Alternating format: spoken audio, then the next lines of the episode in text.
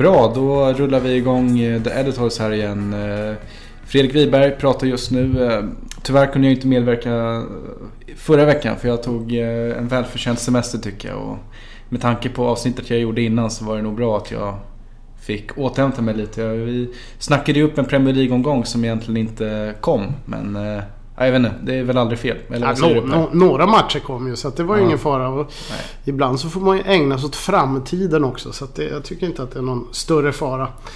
Eh, så tillvida. Men vi hade ju det stora nöjet att presentera Henrik Persson. Mm. Som vi kommer att ha med oftare. För han har, han har lovat att hänga med. Så att det kommer vara lite olika konstellationer. Ibland du och Henrik, ibland jag och mm. Henrik, ibland du och jag.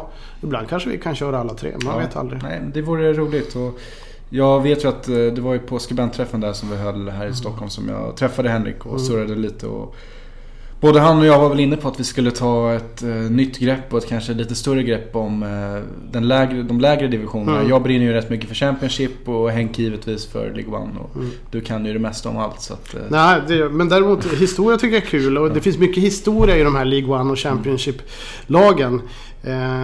Så att det kommer väl att ske lite förändringar kommande veckor på liksom, Det har ju varit mycket att vi har pratat upp kommande Premier League-omgång. Mm. Uh, och det kommer att bli fokus på lite andra saker framöver också. Ja men det, det är rätt kul att sätta ner uh, diskussionen kring just eh, ett specifikt ämne så att man mm. inte pratar upp omgång och så. För det, det gör så många andra.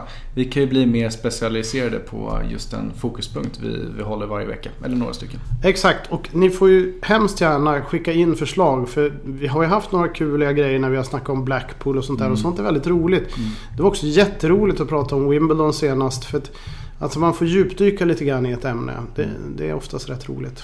Jag kan tipsa också om eh, Offside. Mm. Förmodligen är det många er lyssnare som, som har den tidningen och jag satt och läste eh, nummer ett där eh, när de hade gått ner eh, djupdykt i de engelska klubbarna som har lite problem med, med ägarsituationen då. Bland annat Blackpool, Charlton, Coventry. Coventry mm. framförallt. Och mm. Det var jäkligt intressant att få ett grepp kring det där. Mm. Jag vet inte om du läste det också? Ja, jag läste den. Jag tyckte ja. det var en jättebra artikel. Kommer inte ihåg vem som hade skrivit den dock. Men Nej.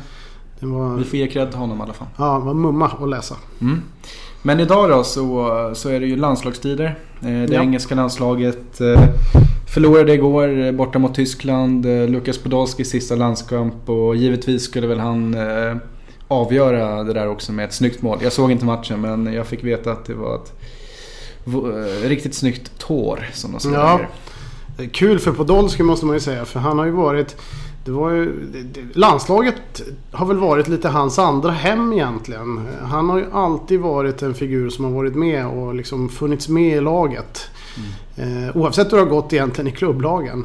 Bidragit väldigt mycket också till mm. landslaget. Jag såg en rätt kul tweet också som Podolski fick svara på där förmodligen då Arsenal-supporter eh, Eh, Spurs or retire. Och var, då, mm. på Polder då svarar retire. Ja, det är mm. klart. Som gammal... Han var väl en gammal Arsenal-spelare där ett tag Visst. också. Även om det inte blir någon större succé. Nej, det blev ju inte det. Men eh, det är tungt att bära nummer nio i mm. den klubben. Ja, det är det. Det är tufft. Eh, på söndag mm. ska ju England då möta Litauen hemma på Wembley Stadium. Och eh, jag och Adam Bills, vår Leicester-skribent på Svenska fans, åker faktiskt över och eh, ska se den matchen live. Mm. Det ska bli spännande. Ni får ta med er intrycken så vi får diskutera det i kommande podd då. Och dessutom ska ni väl eh, blogga lite grann i samband med det. Ja vi tänkte det. Vi har redan startat igång bloggen. Eh, igår onsdag skrev, skrev jag det första inlägget och Adam kompletterade med ett nytt i morse. Så att, ja det är väl lite tankar och förväntningar inför resan. Nu är det ju så att Litauen inte är ett jätteroligt motstånd. Men som sagt, England live på Wembley. Som England känner det så är väl en sån där grej man måste bocka av. Mm. Har du sett England live? Nu ska vi se. Nej, det har jag aldrig gjort Nej. faktiskt. Nej, det har jag inte. Och um, det borde man väl kanske ha gjort faktiskt. För mm. det, är lite, det, är, det är en av de där grejerna som man helst ska bocka av. Fråga två då. Ja. Besökt Wembley? Det har jag gjort. Det har jag gjort. Gamla Wembley också. Ja. Eh, 1988. Vilket är rätt speciellt. Det var en, det var en vänskapsturnering. Det är lite roligt. Eh, då var det Paul Gascoigne, jag tror det var 88, 87, 88 eller något sånt där. Jag kommer inte riktigt ihåg när, när Tottenham signade Paul Gascoigne. Men han, var, han hade precis skrivit på. Eh, och så var det två dagar. Eh, och vi gick ena dagen. Och då var det två matcher efter varann. Och först så var det då Tottenham mot Arsenal. Den andra matchen direkt efter var Eh, FC Bayern München mot AC Milan. Och då ska man ju veta att just på den här tiden så var ju de två lagen betydligt bättre än Tottenham och Arsenal. Eh, det var ju liksom riktiga storlag. Eh, och ehm, vi såg, det var rätt mycket folk på matchen Arsenal-Tottenham. Vi satt på Arsenal-sektionen. Jag har en kompis som är Tottenham-supporter och han satt på Tottenham-sektionen på andra sidan. Eller två kompisar som är Tottenham-supporter och satt på andra sidan. Så vi satt på varsin sida. Jag och en kompis som inte höll på någon av lagen. Men Arsenal vann med 4-0. Och eh, man, i princip så kan vi säga att hela den här matchen gick ut på att de inte trodde sina ögon, Arsenal-supportrarna. Att de liksom lyckades spöa det här Tottenham som då hade inhandlat dessa stjärnor. Mm. Och man... Eh, man skickade rätt mycket gliringar till Gaza och eh, redan då tyckte man att han var rätt stor i kroppen så att säga. Eh, så det blev, det blev 4-0 och eh, våra vänner Tottenham-supportrar de eh, drog sen och försvann. Vi såg dem inte förrän på hotellrummet för de kunde inte liksom hantera den här förlusten mm. riktigt. Men eh, jag och Henrik var det som min kompis som satt och kollade där. Inte Henrik Persson utan en annan Henrik. Vi, vi njöt för att Arsenal-fansen var riktigt glada. Sen när Bayern München ska möta AC Milan. Vilket vi tyckte då kanske var rätt häftigt att få se de två storlagen. Jag tror för övrigt att Johnny Ekström spelar i Bayern München då. Eh, då eh, går hälften av publiken hem. De tycker inte att det där verkar så kul längre. Och eh, dessutom så, det roligaste de hade det var när de presenterade en eh, München, Bayern München, FC Bayern-spelare som hette Hans Peter Flick tror jag, eller Hans Dieter Flick. Jag tror det var Hans Peter Flick. Och alla började ropa Herr Flick from the Gestapo efter den här Allå Allå mm. Hemliga Armén-såpan. Så det, var, det, var, det är min upplevelse av vänskapsmatcher på Wembley. Mm. Och, ehm, ja, den tömdes nästan arenan när de mm. två stora lagen kom in. Ja, vi får se hur mycket folk det blir nu på, på söndag då. Men eh, om jag inte minns fel så tar Wembley 90 000. Ja. Och, och, vi sitter ganska högt upp så det blir en ganska skön eh, blick. Um, Däremot så, så ska väl England vara glada att de får möta Litauen just nu eh, i detta VM-kval. För att på anfallssidan ser det ganska mörkt ut eh, om ja. jag får ge min syn på saken. Eh, Harry Kane skadad. Wayne Rooney likaså inte med i truppen. Daniel Sturridge förmodligen då också skadad. Och då har förbundskapten Gareth Southgate tagit ut Jamie Vardy, Jermaine Defoe och Marcus Rashford som sina tre strikers mm. där uppe. Mm. Sen är det ju så att England spelar med, med rätt mycket en varsida, winger på varje sida. Så att visst, det kanske inte behövs fler än tre strikers i truppen. Men, mm. men ändå, jag blir lite orolig när, när jag ser den här uttagningen i, i VM-kvaltruppen. Och Jermaine Defoe som är 34 år har inte varit med sedan 2013. Mm. Tillväxten, var finns den? Ja, den är ju svår att hitta. Det, du är inne på det. det. Det är rätt svårt tycker jag. Jag tycker generellt sett när jag såg den här Englandstruppen så kände jag liksom... Fan, man, det är inte så att man blir skrämd när man ser den. Mm. Det, det är liksom inte... Men det har man inte blivit på några år nu. Nej. Och det, och det, är så här, det, det, stora och glamorösa England som de vill, ja, fansen alltid vill riktigt. lyfta fram och medierna och så. Man har misslyckats i ett antal turneringar nu. Visst, man går jättebra i kvalen. Det ska de mm. ha cred för. Mm. Eh, ja, ja, absolut. VM-kval och EM-kval brukar England vara riktigt bra. Det var vart väl eh, inte en förlust eh, Nej. i kvalet till VM. Men sen har de inte den här nivån för att ta sig dit de vill. Alltså till, till, ja, de vill ju som vinna VM som de gjorde 1966 mm. eller EM eller något liknande. Och för det vet vi ju att det krävs en bra målskytt. Eh, även om mm. Spanien vann en titel utan anfallare när man... Mm. Så, ja. Det, mm. Visst, eh, snabba och kreativa yttermittfältare i all ära men det behövs en Hurricane, det behövs... Eh... Alltså, 1966 då hade de ju Jimmy Greaves som kanske är den bästa målskytten av alla eh, genom tiderna. Eh, möjligtvis bortsett från Evertons Dick Sedin på 30-talet. Men eh, sen var ju då Jimmy Greaves tror jag skadad rätt mycket under turneringen. Framförallt var han inte med i finalen. Men då skickade de in en kille som heter Jeff Hurst från mm. West Ham och han gjorde hattrick. Mm. Så att det, det funkade rätt bra. Så hade de Roger Hunt från från Liverpool. Så att de mm. hade riktigt bra anfall. Men om man tittar från slutet av 90-talet och framåt så, så har det ju varit mycket Rooney, Michael Owen. Gary Lineker var ju med där Lineker, också. Lineker, Heskey. Heskey.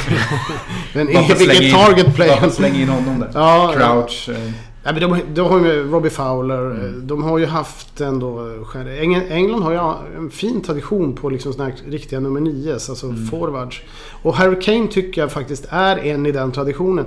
Jag är en av de få, eller få, men jag är en av de som inte är riktigt överraskad att han är så pass bra. när han liksom slog igenom så menar jag att det kanske är bara något år som han gör det här. Men han fortsätter ju att producera hela tiden. Mm. Och eftersom jag är Evertons supporter har följt Barkley genom alla ungdomslandslag och så. Så var ju Harry Kane med samtidigt. Och en grej med Harry Kane det var att han gjorde ju alltid mål. Alltså i, mm. hela vägen upp från de här U15 och, och mm. så vidare. De där två var ju liksom med konstant. Och, och det skrevs inte lika mycket om Kane då men, men, han gjorde sina mål och han kommer alltid göra sina mål. Så det är han som är nyckelfiguren. Mm. Men utöver det är det svårare. Jag tycker dessutom att det är rätt att ta ut Jermaine Defoe för det är en måltjuv som aldrig har förstått att sluta att göra mål. Mm. Det verkar hela tiden, och det han gör i Sandren, det är helt bisarrt. För han har ju inget riktigt understöd, understöd överhuvudtaget. Det är ju fantastiskt det han gör. Så att in med Defoe. Men sen är det ju svårt att jag se vad jag efterväxter... Jag gillar Vardy. Jag tycker han Vardy är, är bra. Är och nu har han väl tänt till igen då när han var, var butter över att uh, Ranieri var kvar. Så nu, Trött på pizza. Ja, tydligen. Så att eh, han fick väl sin vilja igenom så då får han väl lite extra tändning och gnista så att han kan mm. gå in och göra någonting. Så att jag tycker det också att det är rätt att ha med. Marcus Rashford har vi liksom planat ut lite grann. Vi får se vad hans karriär ger egentligen. Och han, om han verkligen blir den där eh, store eh, anfallaren. Jag är inte riktigt säker på det. Jag tror inte heller på Marcus Rashford eh, faktiskt. Um, sen får vi väl se vilka som, eh, som kommer upp här i ungdomslandslagen. Det finns väl mm. ingen riktigt klar målskytt um, där nere. Ja, inte verkar komma på. Det, borde man, det kan ju, borde man liksom gå in och rota i lite grann. Studera. Inte rakt av. Mm. Mm. Annars är det kul att uh, en sån som James Ward-Prowse får chansen upp i truppen här på mittfältet. Mm. Som vi har sett i U21-EM här, um, Southamptons skickliga innermittfältare. Han tror jag mycket på. Ja, det verkar också vara liksom en Gareth Southgate-kille. Det är ju en av de här killarna som har varit med i hans mm. lag hela tiden. Så han vet väl vad han får ut av, av honom. Och det är bra, han är bra på fasta situationer. Um, en person som alltid har funnits med i de här U-landslagen. Och eh, finns med också i Southampton. Men han, han har ju ofta varit avbytare och han, mm. det är inte så att han har varit given genom årens lopp. Nej, och sen eh, mittbackspositionen då. Den har ju också varit lite ifrågasatt. Nu kom, kommer Gary Cahill vara avstängd här mot Litauen. Och, eh, vilka fler finns det då? Ja, men man har Michael Caine i Burnley. John eh, Stones. Smalling, eh, John Stones. Eh, Mm. Det är ja, det är det. Phil Jones eh, blev hemskickad men det tror jag inte många bryr sig så mycket om. De är nog rätt glada för det. Michael Antonio är också skadad ska tilläggas. Ja, just det. Ja. Phil Jones är ju... Man vet ju vad man får. En gedigen insats så att säga. Men det är klart att eh, mittbackspositionen tycker jag länge har varit en svaghet i, i England. Det var väl egentligen Ferdinand och Terry. Mm. Efter det har vi inte, tycker jag, sett... Vi har inte sett någonting. Och det, det är återigen, det är ungefär som att England har haft bra anfallare, alltså nummer nio.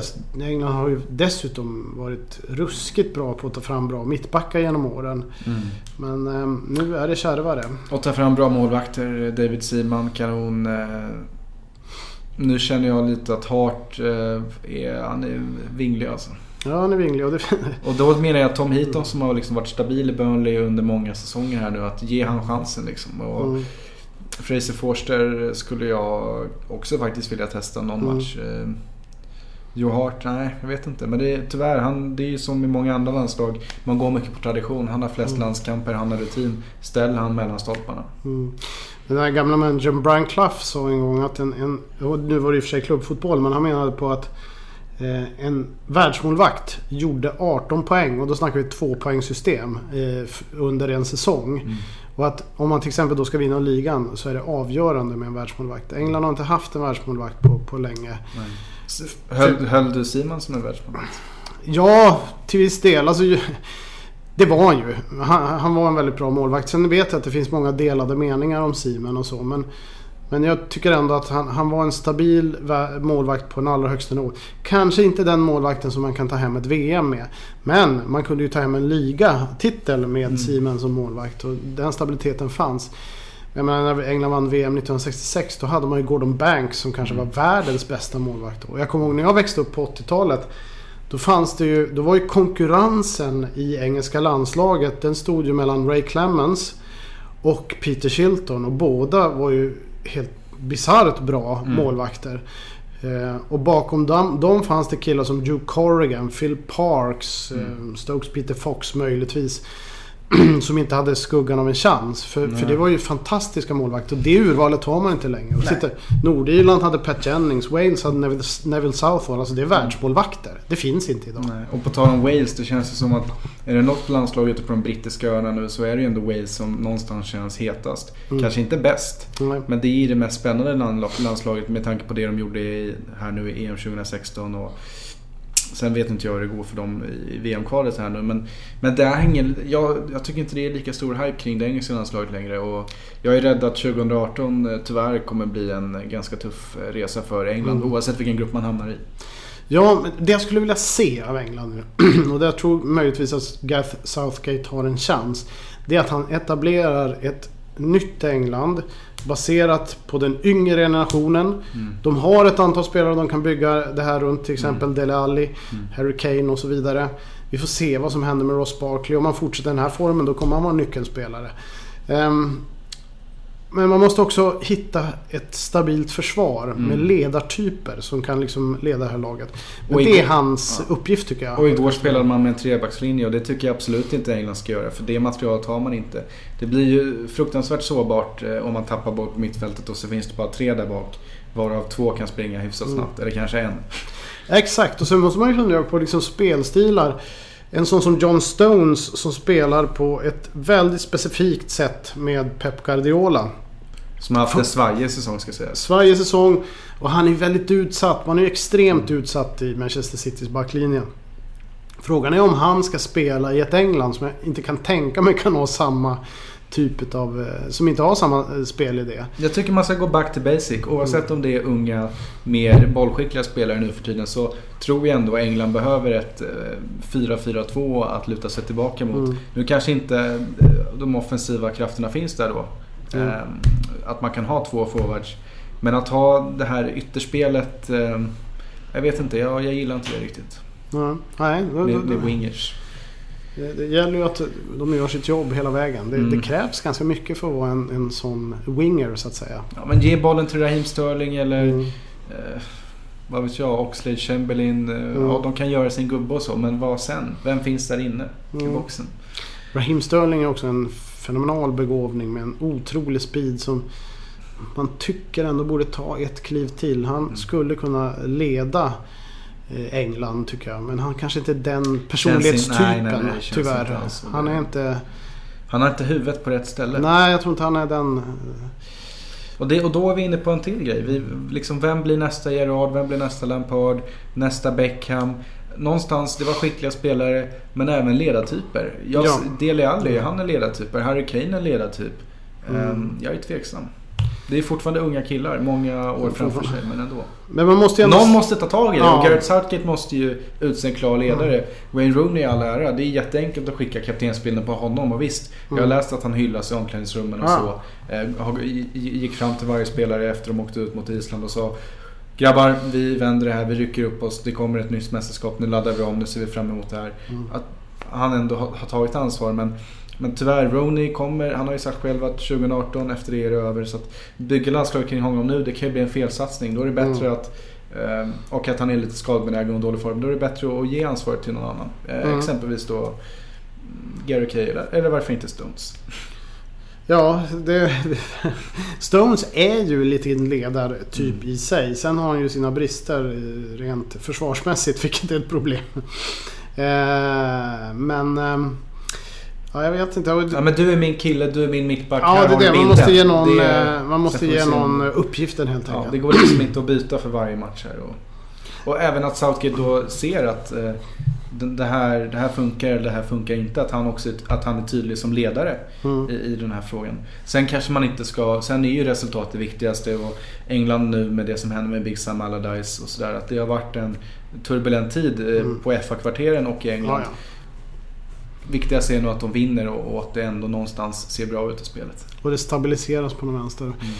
Men sen tror jag, jag tror det är intressant det Pochettino gör i Tottenham. För det kommer att gynna engelska landslaget. För där har ju Delali och Kane liksom de centrala rollerna. Det är runt om det ska hända. Mm. Och det lyckas de ju ändå bära upp. Mm. Och det måste hoppas jag att de kan ta med till, till landslaget. Att de kan och, bli en dödlig duo där också. Ja, och liksom leda hela, hela landslaget på det sättet som, som, som du är ute efter. Och det, jag håller med.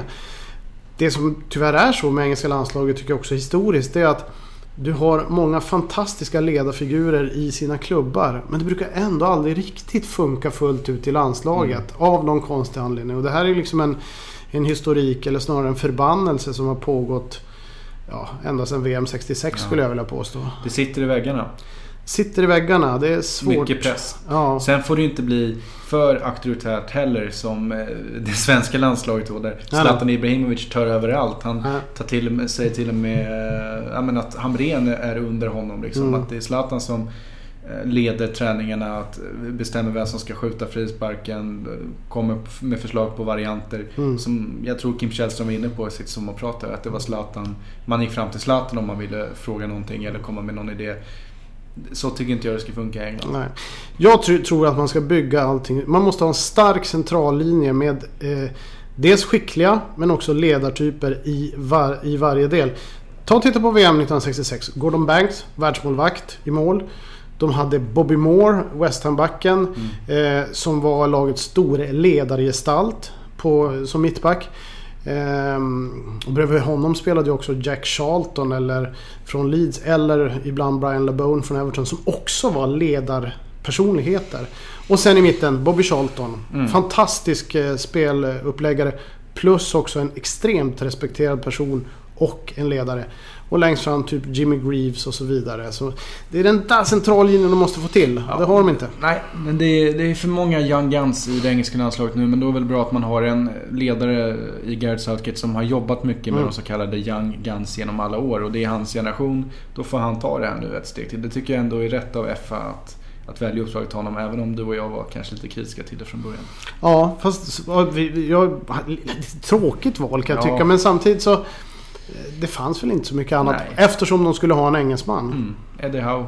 Ja, han är inte redo än kanske. Nej, det, han måste stabilisera Bournemouth mm. först. Mm. Nu tycker jag att vi går vidare. Ja. Eh, och eh, kan snacka lite Champions League. För att det är ju så att eh, Leicester City är det enda engelska lag kvar i Champions League. Sensationellt. Även om jag faktiskt sa till Adam att ni tar Sevilla. Mm. Och det gjorde de. Ja, det. det hemma, hemma jätte... på King Power Stadium. Och nu kommer man möta Atletico Madrid.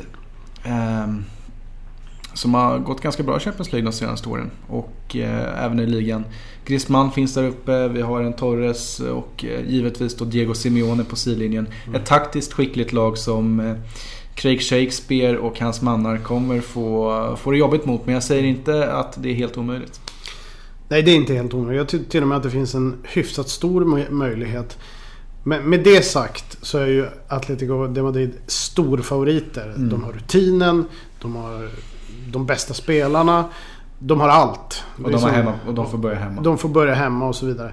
Men det som är grejen med Leicester det är att för att de ska funka. De har den där förmågan att spela på 110. Om alla lag kan nå 100% så kan Leicester nå 110%. Och när de är uppe på de här 110, jag vet inte vad det är de gör, det sitter i huvudet någonstans. Magic Knights. Ja, då kan det hända grejer. Då, då, liksom, då blir det så. Det är liksom sådana spelare som Jamie Wardy och mm. som leder den när det väl händer. Då blir det de här rävarna som, som springer mil efter mil utan att tröttna. Utan att tröttna och det är någonting som... Och den, den attityden. Den ser man inte hos många andra lag. Nej, och mycket av den här frånvaron av framgång för engelska lag i Champions League eller Europacupen överhuvudtaget.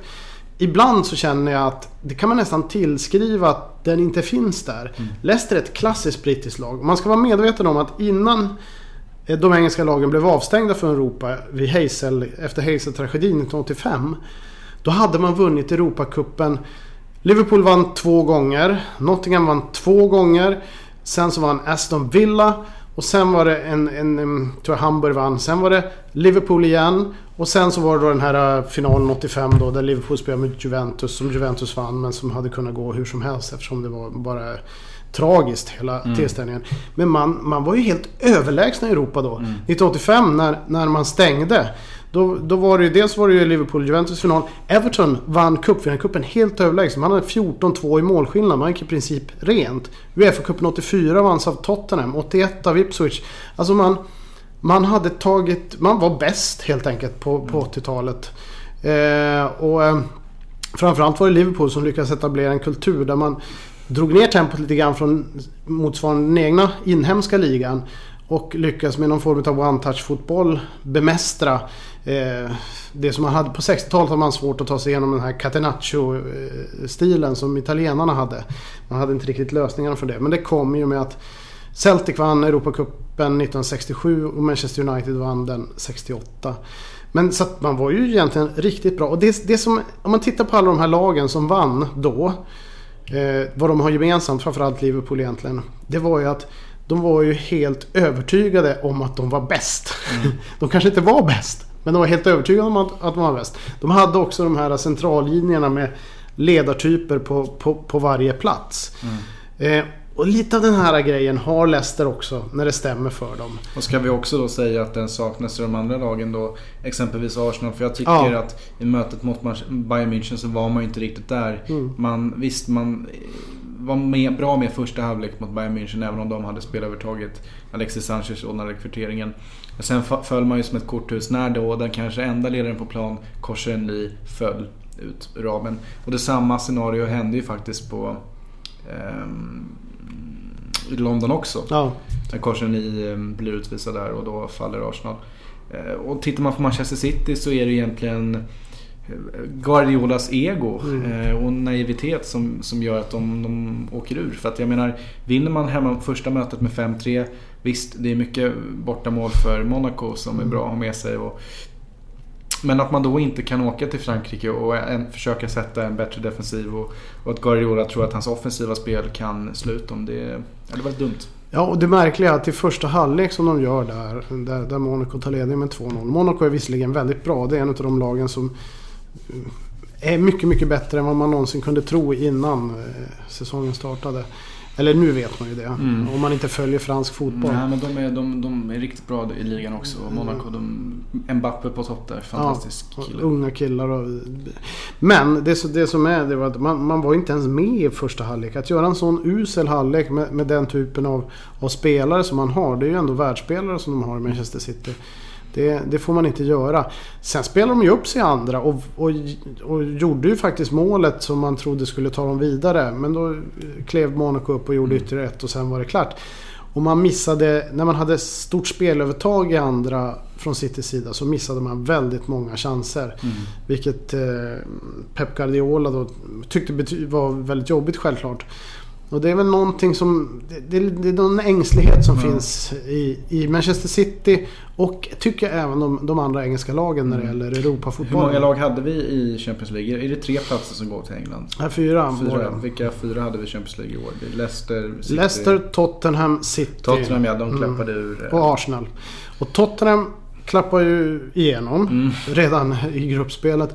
Vilket är lite märkligt eftersom eh, de har gått så oerhört stabilt i ligan. Mm. Så att, men, men det var ju verkligen en, en usel insats. Man United i Europa League då? Hur, eh, det känns ju som att de går rent där. Eller jag ska inte säga det men de går ju väldigt stabilt. Och, och jag tror faktiskt att Zlatan Ibrahimovic har han har den där vinnarattityden som man efterlyser som jag tror smittar av sig och jag tror mm. att de kan ta det.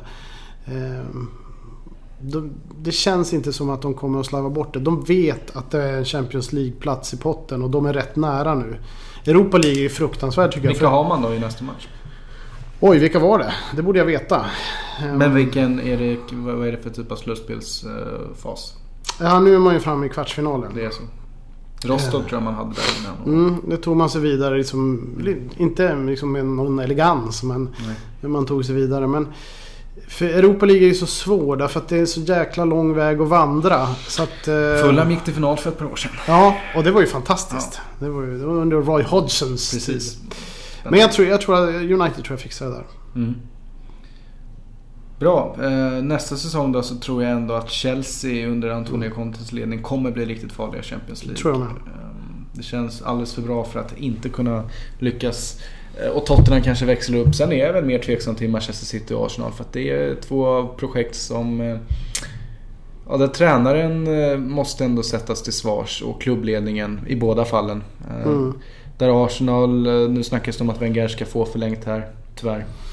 Ja, och så... i Citys fall så, så var man väl inne på att Guardiola inte fick rätt förutsättningar från början. Bara så att om det berodde på tidsbrist eller pengar beror det inte på för det finns Nej, ju. Det. Ehm, eller att Guardiola inte fick, fick välja liksom vilka killar han ville ha in. Det, man, det, man ska vara medveten om att hur mycket pengar man än har så kräver ju Guardiolas spelstil vissa typer av spelare. Mm. Och det gäller ju då på alla 11 positionerna. Det har han ju inte riktigt. Nej, inte än. Inte Materialet än. finns inte där. Men, men visst, det, det, kan bli bra för att han ses ju ändå som en av de stora föregångarna där ute. Och Wenger har väl gjort det men nu är hans mm. tid förbi. Det går inte att hålla på. Det, det här året, det blir ett bortkastat år för Arsenal om de ska ha kvar Wenger igen. Det är, jag, tycker, ja. jag tycker synd om, om fansen och klubben i stort alltså. Ja, det känns inte bra att, eh, faktiskt. Eh, det, det är nog dags nu. Att han kliver och, var, och Är han alldeles för stolt för att liksom, vad är det han vill? Alltså hur länge ska han vara kvar tills han har tagit hem den här Champions League-bucklan? Mm. Då, då kan ju... Ja, Ska han vänta 20 år till? Nej men det är nog så. Jag menar, det är nog så. Jag kommer sitta där, kommer rulla ut han i rullstol sen? Ja, absolut. Så kan man ju resonera själv ibland. Liksom jag, ja, men Jaha, jag är nära nu. Jag, jag, tror att om jag bara får de här grejerna att falla på plats då kommer jag att klara det här. Jag vill så gärna avsluta med jo, en alltså det... Champions League-titel eller en ligatitel. Och, och, och, Han köper ju inte rätt spelare heller. Han köper Nej. alldeles för få spelare. Och då, det är liksom så att säga då, ja, men jag, om jag bara får det här och det här. Det handlar ju om vad Wenger mm. vill och vad han lägger på. Mm. Att ta, ta, in en fransk talang liksom. Nej men det hjälper ju inte. Ja, det hjälper inte. Och just den här känslan att, att man är nära, den är rätt farlig. för att den kan man inte bedöma själv. Man, han kommer ju aldrig säga att det här kommer jag inte att klara. Mm. Det är som när, när, man sitter och spelar Fifa och så mm. förlorar man massa match, matcher och så tänker man att jag spelar tills jag vinner. Nästa match vinner jag. Vinner. Ja, lite så, så, så, går, så går det inte. Lite så är det. Faktiskt. Ja. Eh, annars då, ska vi gå in lite på vad... Vi snackade inför sändningen här att eh, Aito Karanka kickas av Middlesbrough. Som nu faktiskt ser ut att åka ur och jag tror inte att klubbledningen eh, gjorde rätt i att eh, ta bort spanjoren därifrån. Nej, jag kan väl också tycka att det är lite för tidigt. Jag, jag på något sätt, jag, har varit lite, jag var ju kritisk när man sparkade Mike Phelan från Hall. Och, mm. och Ranieri var vi kritiska Rin, mot. Men det Ranieri har också. Av Crystal ja. Palace ja. håller de på att lyfta också. Så det, vi kanske bara är så att vi tror på managers in absurdum. men Å andra sidan ville vi att Slav, jag ville i alla fall att Slaven Bilic skulle sparkas. Eh, men det blev inte så. Nej. Uh, jag vet inte. Det, det jag kan tycka med Karanka det är att det är ju ingen katastrof. Det är ju inte så att de har ett superlag. Och han mm. håller ju dem liksom där ändå. De kämpar ju. De är inte så kul att se på. De är rätt försiktiga. Men mm. de, de äm, kämpar ju och håller sig ovanför vattenytan. Men nu kanske de är på väg ner då. Mm. Så jag kan tycka att det är ingen eh, kris. Jag menar, Leicester, det kan jag förstå. Där finns det två sidor. Jag menar, att sparka Ranieri det är ju egentligen en förolämpning mot honom och, fotbollen med tanke på det han har gjort. Å andra sidan med tanke på hur hur tungt de sjönk så hade de nog åkt ut. Mm. Om man, om man... De hade faktiskt mandat att göra även, även om det var mm. moraliskt fel. Ja, men så det är inte alltid fotboll och moral går ihop. Nej, det är ju så. Och Mike Phelan han hade väl egentligen aldrig någon chans. Och nu visar det sig att den nya managern han har ju satt lite mera... De har fått bättre fysik på kort mm. tid och, och så. Jag läste i en intervju att den nya mittbacken där Raniocchia mm. inte trivs uppe i nordöstra England. Att det är alldeles för regnigt och kallt. Mm, det kan jag nog förstå. Ja. Men vi får väl se om Hall håller sig kvar. Eh, känslan säger så ändå. Mm. Mm. Jag får se. Och I övrigt spekuleras det lite om Mats Harry i Watford. Att han kan ha gjort sitt där. Mm. Watford är ju lite sådär eh, upp och ner. Man vet aldrig vad man har dem. Nej. Jag tycker ändå de har rätt, en rätt bra trupp. Så att, eh, jag vet inte. Kanske att man kan kräva lite mer av dem ändå. Vi har ju alltid sagt, eh, i alla fall under alla våra avsnitt här, att Mark Hughes ska lämna Stoke. Men det tror inte jag han gör. Alltså. Nej, men å andra sidan de, de kommer att hamna ungefär på samma plats mm. där de alltid brukar hamna. Så, så är klubbledningen nöjd med det? Så. Ja, då får de Men om de vill eh, sikta lite högre så, så, får de, eh, så måste de eh, hitta en annan manager. Det är jag rätt övertygad om. Det, det handlar också om Slaven Bilic i West Ham. Jag är mm. helt säker på att han inte är... Eller, i alla fall utifrån det jag ser och läser och, och så vidare. Så, så, tror jag inte han är den som kan lyfta West Ham till liksom de större topppositionerna. Dit klubben vill. För det är ju liksom en... De, de vill ju ta nästa steg nu och bli en stor klubb. Mm. Ska vi kort bara kommentera att eh, West Bromwich blir av med Jonas Olsson och han går faktiskt till Djurgården. Ja, ja. Det blir ju bra för Allsvenskan. Mm. Många profiler i år mm. i ligan som mm. vi inte tycker är speciellt bra spelmässigt men eh, som vi ändå följer i alla fall jag. Ja, det gör man ju. Allsvenskan, och framförallt på våren. Det är ett mm. vårtecken. Så är det ju. Och kanske får jag möta in våren nu på Wembley också på söndag. Eller så blir det kallt och regnigt. Jag vet mm. inte. Det får du se. Det får vi se. Ta... Vad tror du matchen slutar då? Jag tror England vinner med 3-0 eh, och eh, Wardy gör 2 och Defoe 1. Ja, Okej, okay. de, ja, det är intressant. Det ska bli spännande att se. Vad tror du själv? Jag, jag, tror att de vinner. Jag tror nog en 2-0, 3-0 eller något sånt där. Mm. Och eftersom Wardy är i form så tror jag han gör mål också. Mm. Han fick ju starta igår. Mm. Mot Tyskland. Så det kanske är en indikation på att han inte spelar från start på söndag. Men vi får vara. hoppas det. Annars blir jag inte... Det vore spännande att se Defoe från start också. Däremot tycker jag Rashford ska inte vara med i bilden överhuvudtaget. Nej, han har tappat lite. Ja, men eh, vi säger så så länge i alla fall. Ja, så får vi se så... hur det blir nästa vecka. Eh, när, vi, när ligan kommer tillbaka va? ja, då är det äntligen full liga. De här landskapsuppehållen vet jag att många inte tycker speciellt mycket om. Nej, Nej. Mm, jag kan hålla med. Ja, lite, lite mm. sömnigt. Mm. Eh, men vi hörs i alla fall. Det var ja. kul att vara tillbaka igen. Detsamma. Ha det bra. ses vi. Ciao. Hej.